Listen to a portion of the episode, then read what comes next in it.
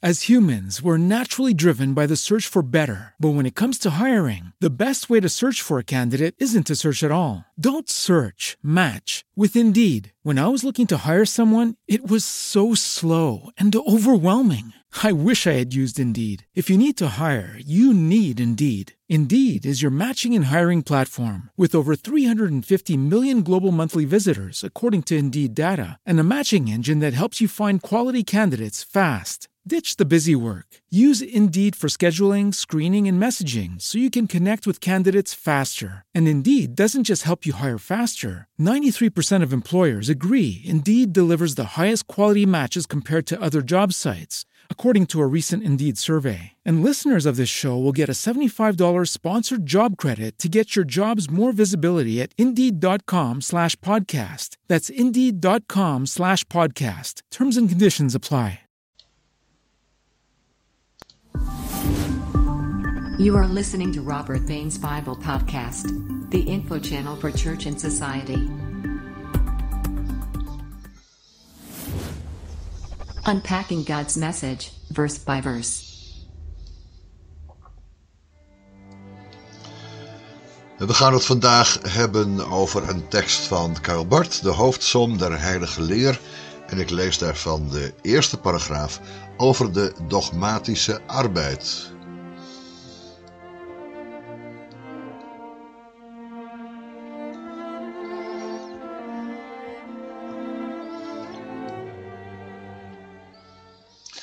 De hoofdsom der heilige leer is een serie van voordrachten over de apostolische geloofsbeleidenis, gehouden te Bonn in de zomer van 1946.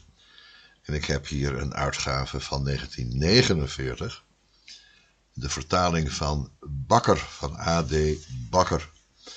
Een prachtig werk waar heel de apostolische geloofsbeleidenis aan bod komt. En ik wil die vooral voorlezen. Het boek is bijna niet meer te krijgen. En ik zal hier en daar ook wel wat uh, kanttekeningen maken. Paragraaf 1 gaat dus over de dogmatische arbeid, dat is de titel. En zoals Bart dat heel vaak deed, staat er dan eerst een zogenaamde Leitsatz. Een korte, kernachtige samenvatting van de pointe van de hele voordracht. En die luidt als volgt. Dogmatiek is de wetenschap waarin de kerk zich, naar de mate van het inzicht haar op een bepaald, ogenblik geschonken, rekenschap geeft van de inhoud van haar verkondiging. Zij doet dat kritisch, dat wil zeggen volgens de maatstaf van de Heilige Schrift en aan de hand van haar beleidenisgeschriften. Kortom, het is een terugkijken naar de beleidenisgeschriften om te zien wat de kerk voor waar heeft gehouden en wat zo in het algemeen dus de inhoud is van de verkondiging van de kerk.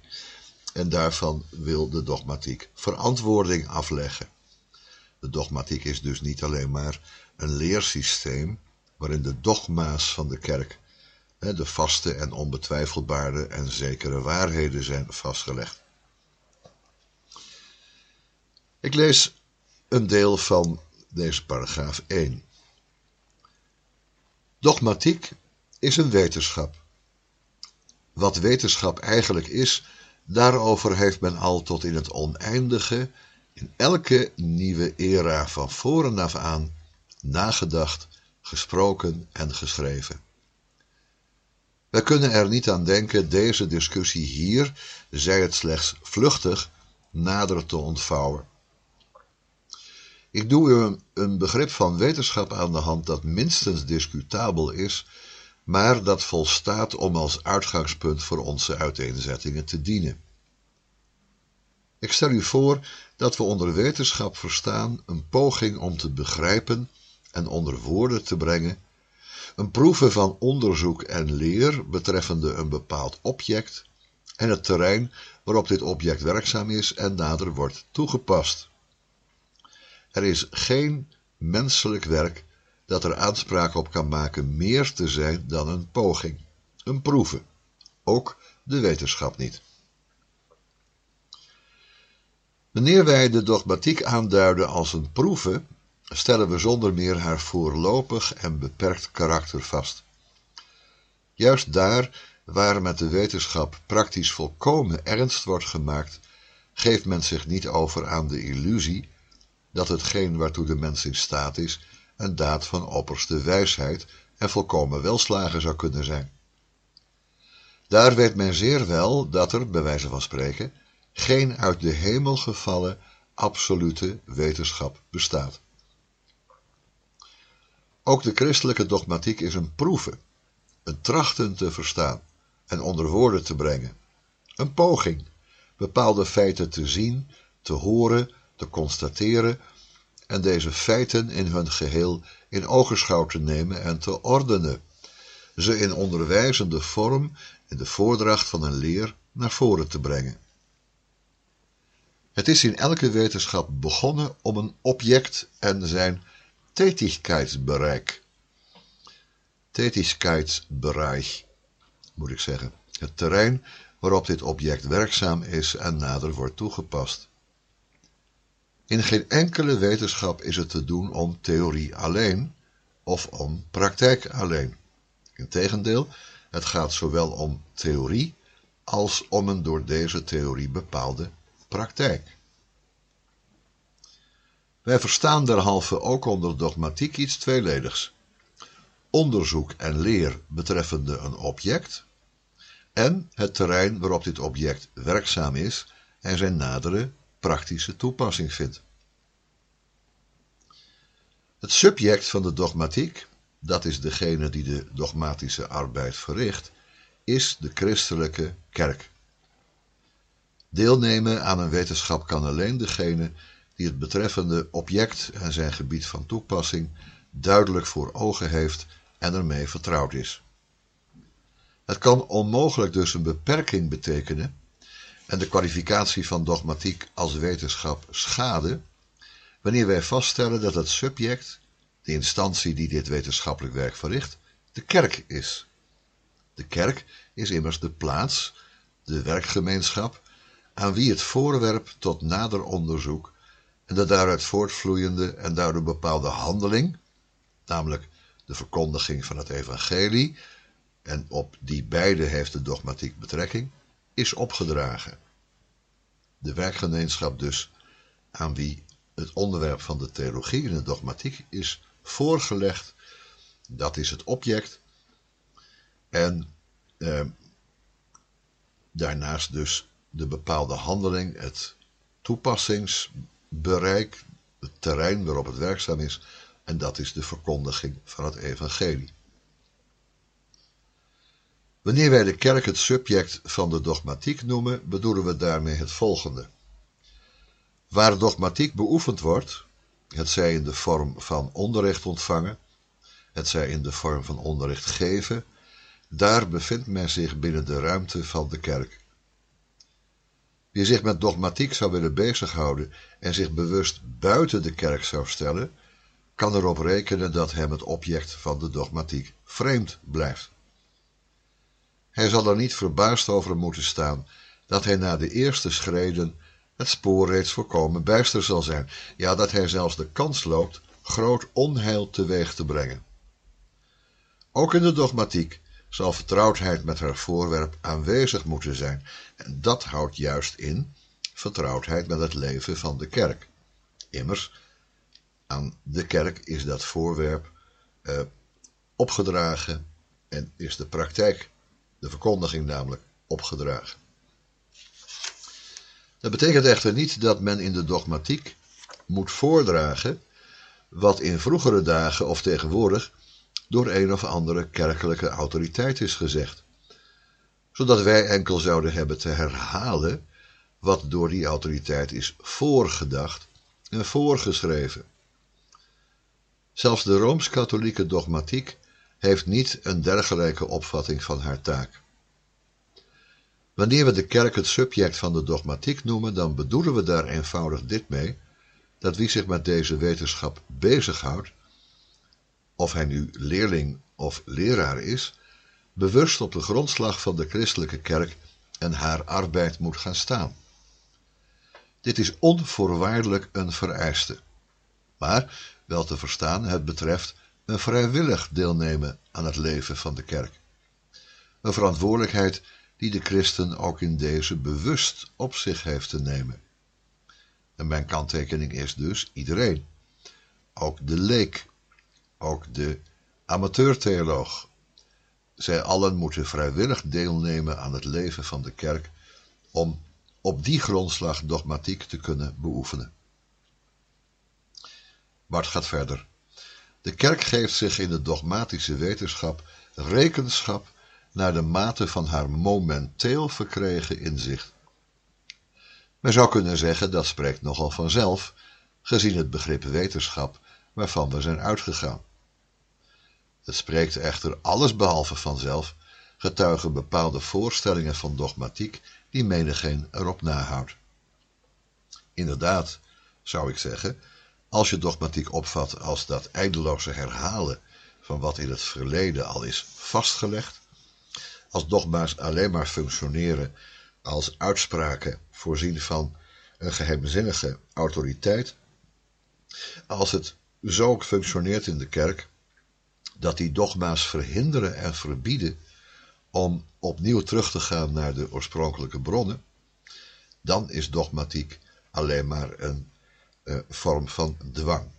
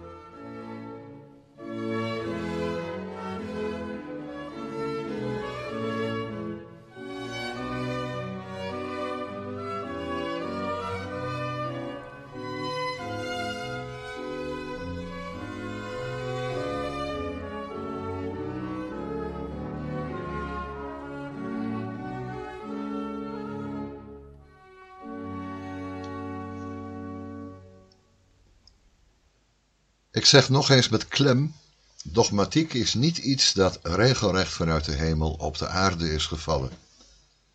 En als iemand zou willen zeggen, dat zou ook een zonderlinge zaak zijn, wanneer er zoiets bestond als een uit de hemel gevallen absolute dogmatiek, dan kan men enkel ten antwoord geven, inderdaad, we zouden in dat geval engelen moeten zijn.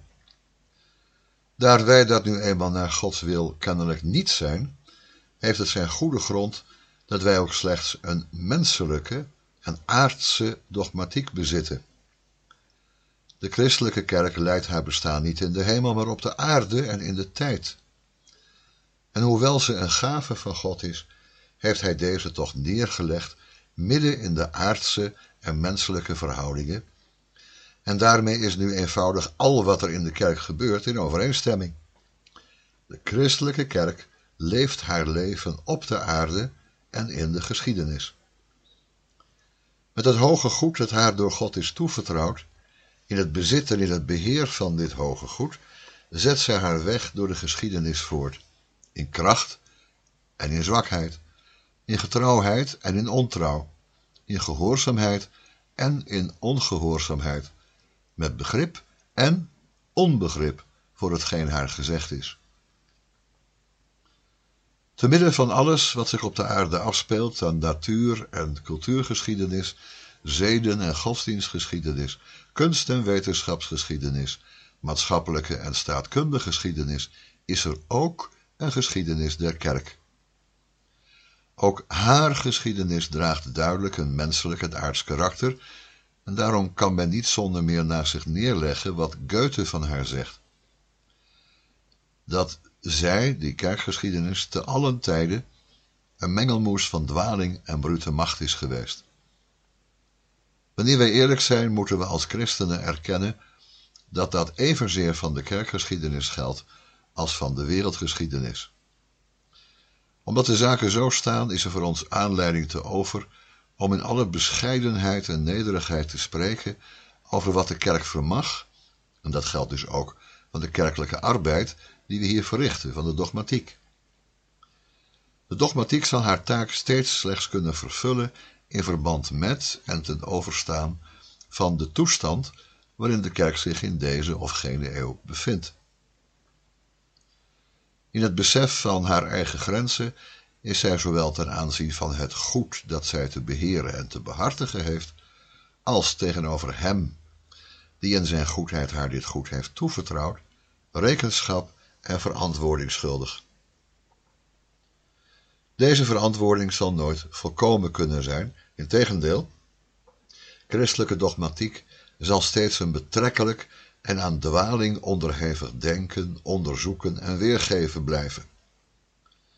Ook de dogmatiek kan naar eer en geweten steeds alleen maar vragen naar hetgeen nog beter is.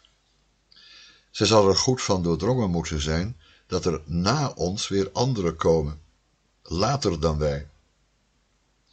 Maar wie getrouw is in deze anderen, wie getrouw is in deze arbeid, zal hopen dat het deze anderen die na ons komen gegeven mogen zijn, beter en dieper de dingen te doordenken en onder woorden te brengen die wij getracht hebben te zeggen. In zichzelf beheersende nuchterheid en in nuchtere zelfbeheersing zullen wij dan onze arbeid verrichten. We mogen gebruik maken van het inzicht dat ons heden geschonken is. Voor ons kan ook niet meer gevraagd worden dan ons nu gegeven is. En ons mag, als de knecht die over weinig getrouw is geweest, dit weinige niet verdrieten. Meer dan deze getrouwheid wordt van ons niet gevraagd. Dogmatiek legt als wetenschap voor zichzelf verantwoording af van de inhoud der verkondiging die in de christelijke kerk geschiet en behoort te geschieden. Er zou geen dogmatiek, ja er zou zelfs helemaal geen theologie bestaan, wanneer de centrale opdracht van de kerk niet zou zijn de verkondiging van het evangelie, het getuigen van het door God gesproken woord.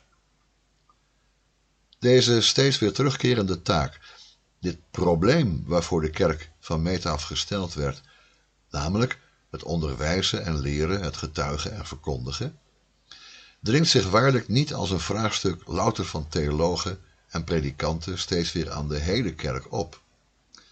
De vraag namelijk wat wij als christenen eigenlijk te zeggen hebben. Want, dat leidt geen twijfel, de kerk dient de plaats te zijn waar een woord in de wereld weer klinkt. Aangezien het tot de roeping van de kerk behoort het door God gesproken woord te verkondigen, en aangezien dit tegelijk een werk van mensen is, heeft zich van begin af aan de noodzakelijkheid van theologie voorgedaan. En tevens van wat wij ongeveer sinds de 17e eeuw dogmatiek plegen te noemen. In de theologie wordt allereerst steeds weer de vraag gesteld naar de bron, de oorsprong, het vanwaar van het woord. En het antwoord op deze primaire vraag zal steeds weer gegeven moeten worden in die tak van theologische wetenschap die wij exegese noemen. En mijn kanttekening, dat noemen wij tegenwoordig Bijbelse theologie.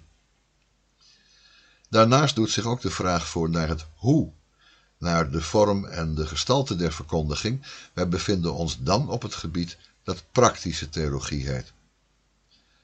Precies in het midden, tussen exegese, Bijbelse theologie, en praktische theologie staat de dogmatiek, of breder uitgedrukt, de systematische theologie. In de dogmatiek vragen we niet waaruit ontspringt de kerkelijke verkondiging, ook niet welke vorm neemt zij aan. Nee, in de dogmatiek vragen we wat hebben we te denken en uit te spreken. Wel te verstaan, nadat wij ons eerst hebben laten onderrichten uit de schrift, waaruit wij deze inhoud, dit wat, te putten hebben. En wel met het oog daarop dat wij niet een bepaalde theorie ten beste te geven hebben, maar een concreet woord in de wereld hebben uit te roepen. Juist van de dogmatiek uit moet het volkomen duidelijk zijn dat aan de ene kant heel de theologie zich waarlijk niet bezighoudt met een zuiver historische aangelegenheid, maar met een geschiedenis die van kracht is. Met die verstande dat zij doordringt in het heden, hic et nunc, hier en nu. Aan de andere kant weliswaar mag de prediking niet ontaarden in een zaak van formele techniek.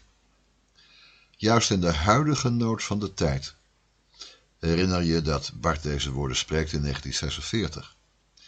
Juist in de huidige nood van de tijd komt het meer dan ooit aan op de vraag: wat moet de inhoud van de christelijke verkondiging zijn?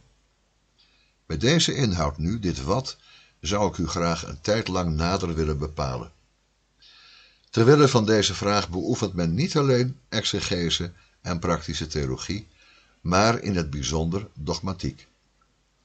Om de kerkgeschiedenis niet buiten beschouwing te laten, zou ik er slechts dit aan willen toevoegen dat haar taak encyclopedisch van aard is. Haar bijzondere eer is het dat zij, om zo te zeggen, overal aan de orde moet komen en daarom ook in het christelijk onderricht de haar toekomende plaats dient in te nemen.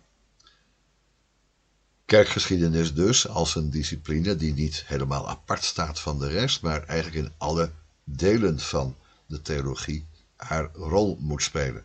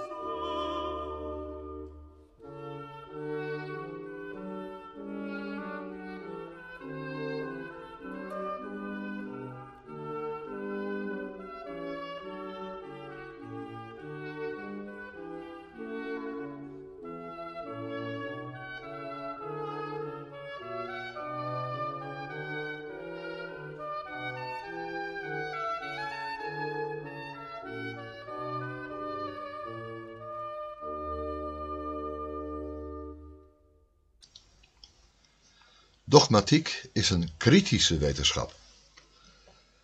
Het kan derhalve niet begonnen zijn, zoals men soms wel meent, om het formuleren van bepaalde oude of nieuwe leerstellingen die men zwart op wit in zijn zak kan hebben.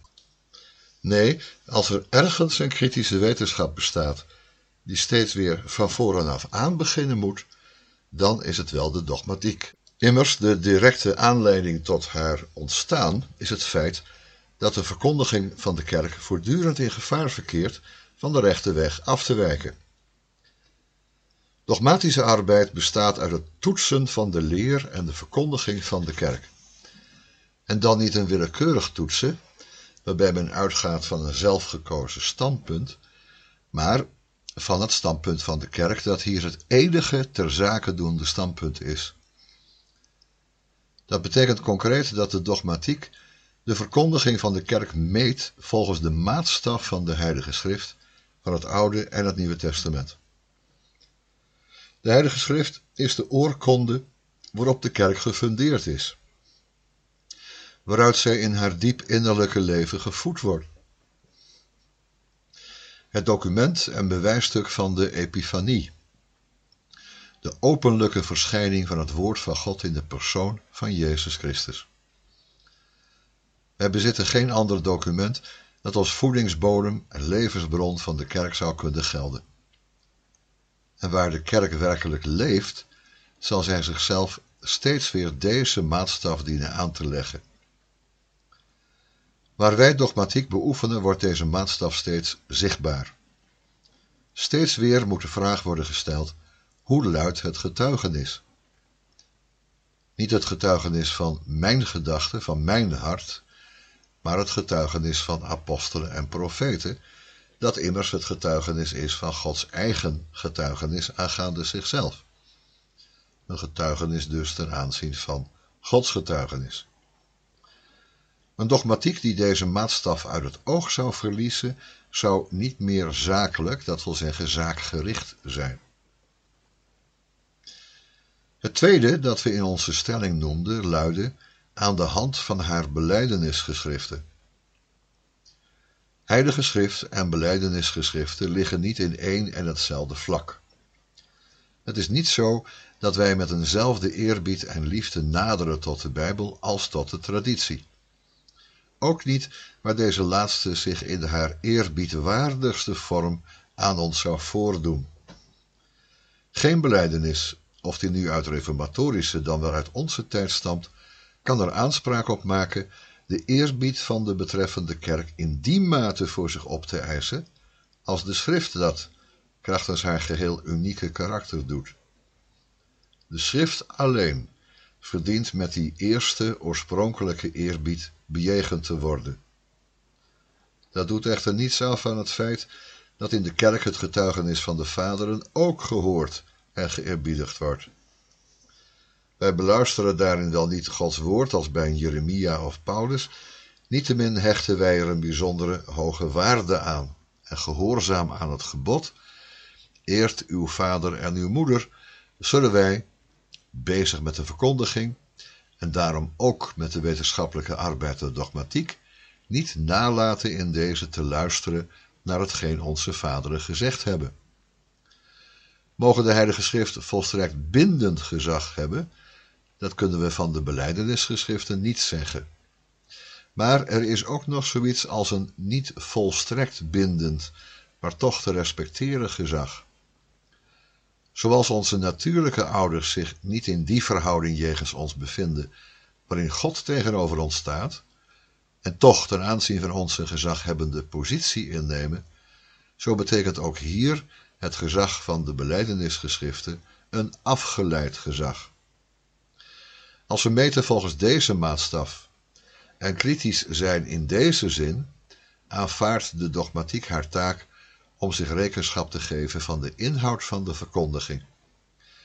Van de verhouding tussen de verkondiging zoals die feitelijk geschiet en datgene wat in de kerk behoort te gelden als een getrouwe reproductie van wat haar van Gods wegen gezegd is. Wat in de kerk behoort te gelden als trouwe weergave van Gods woord, noemen wij dogma. Ik herhaal, Wat in de kerk behoort te gelden als trouwe weergave van Gods woord, noemen wij dogma. De kerk vraagt zich af en moet dat blijvend doen in hoeverre beantwoordt hetgeen in de verkondiging der kerk geschiet aan het dogma. Het doel is eenvoudig de kerkelijke verkondiging een zo zuiver mogelijke inhoud en vorm te geven. Voetnoot, hier valt dan wel op, zou ik zeggen, dat hij eerst gezegd heeft die vorm van de verkondiging is een zaak van de praktische theologie, maar hier bepaalt dus de dogmatiek niet alleen maar de inhoud, maar ook de vorm van de verkondiging. De dogmatiek kan dus bijvoorbeeld bepalen dat de kerkelijke verkondiging, als het gaat om de verkondiging in de eredienst, dat dat een expositorische verkondiging moet zijn, een exegetisch preken, simpelweg omdat we hier gezegd hebben, de maatstaf van de Heilige Schrift is beslissend voor alles wat de verkondiging en de dogmatiek aangaat. Bart vervolgt. Deze verbetering en verdieping, de voortgaande zuivering van hetgeen in onze kerk geleerd wordt, zodat het zo nauwkeurig mogelijk gezegd wordt, kan alleen een werk van God zelf zijn. Maar dat gebeurt toch niet zonder ingespannen arbeid van de kant van de mens. Een deel van deze ingespannen arbeid is nu de dogmatiek.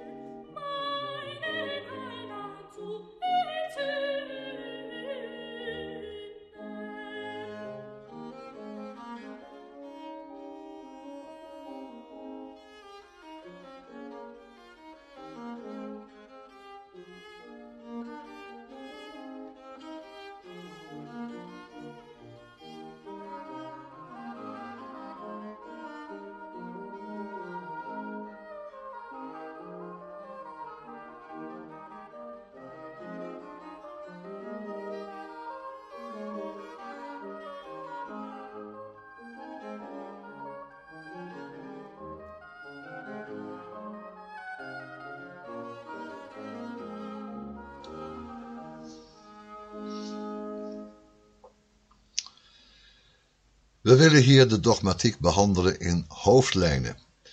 We gaan de heilige leer in haar hoofdsom ontvouwen. Die term heilige leer tussen haakjes, die is afkomstig van de vertaler, want de oorspronkelijke titel van deze serie van lezingen, die was Dogmatik im Grundriss, oftewel hoofdlijnen van de dogmatiek. We gaan de heilige leer in haar hoofdsom ontvouwen. Dat wil zeggen, het kan ons in deze korte zomercursus, want dat was het in 46, om niet meer dan een schets te doen zijn. We willen dogmatiek beoefenen in aansluiting aan, anders gezegd aan de hand van, een klassiek geschrift, de apostolische geloofsbeleidenis.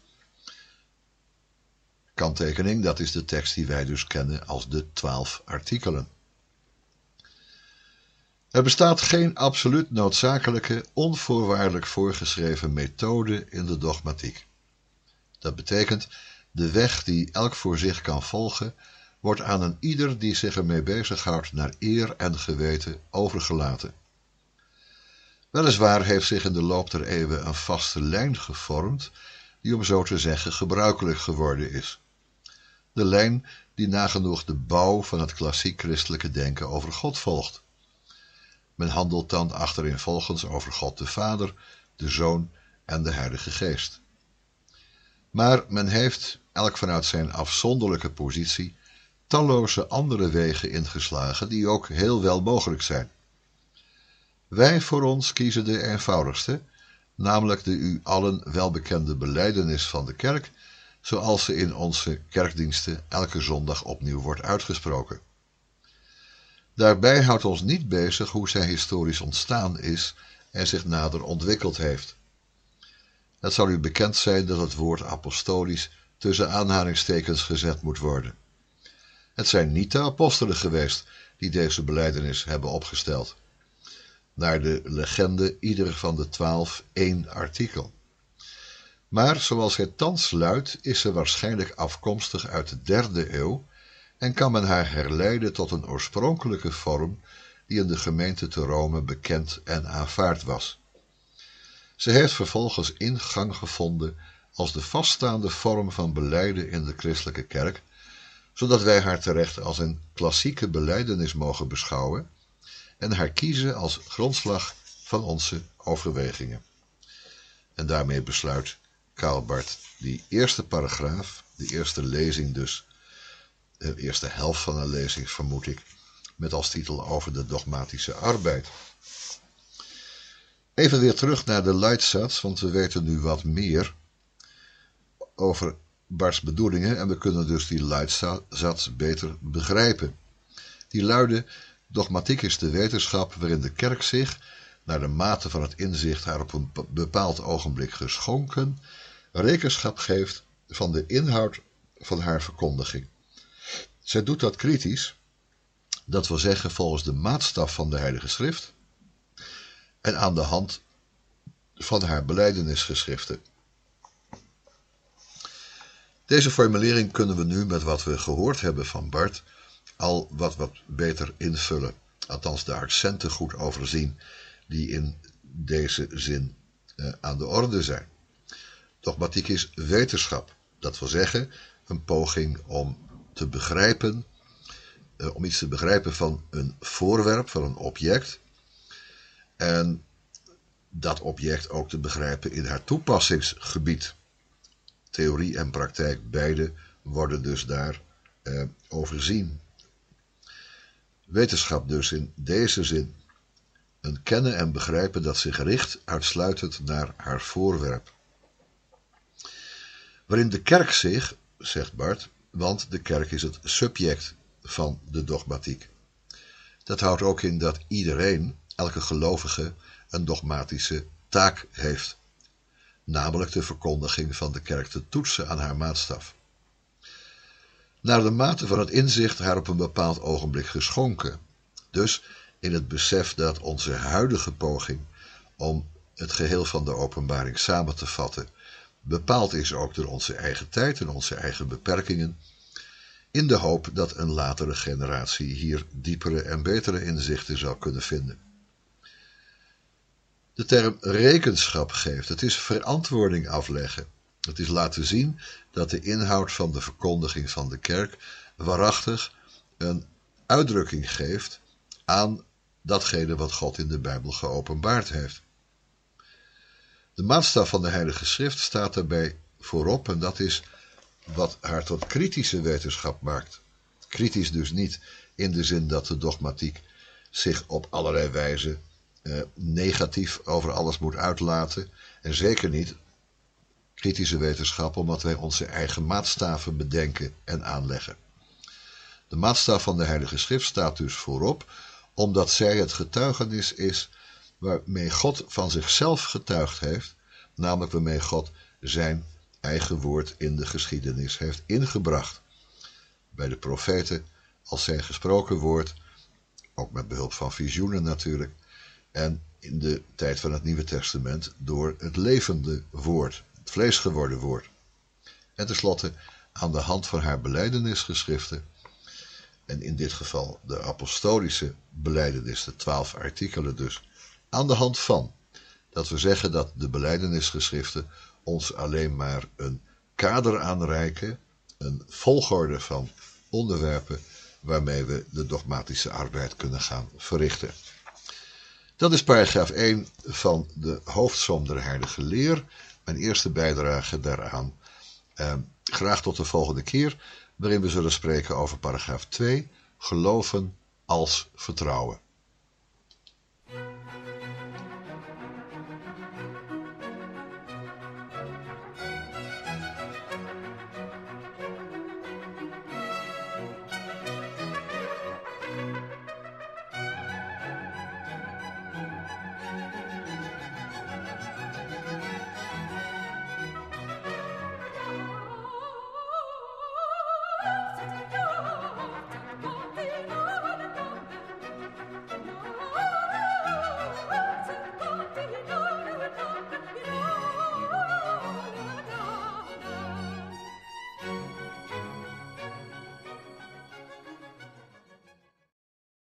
Hello, it is Ryan, and we could all use an extra bright spot in our day, couldn't we? Just to make up for things like sitting in traffic, doing the dishes, counting your steps, you know, all the mundane stuff. That is why I'm such a big fan of Chumba Casino. Chumba Casino has all your favorite social casino style games that you can play for free anytime, anywhere with daily bonuses. That should brighten your day a little. Actually, a lot. So sign up now at chumbacasino.com. That's chumbacasino.com. No purchase necessary. Group. Void were prohibited by law. See terms and conditions. 18 plus.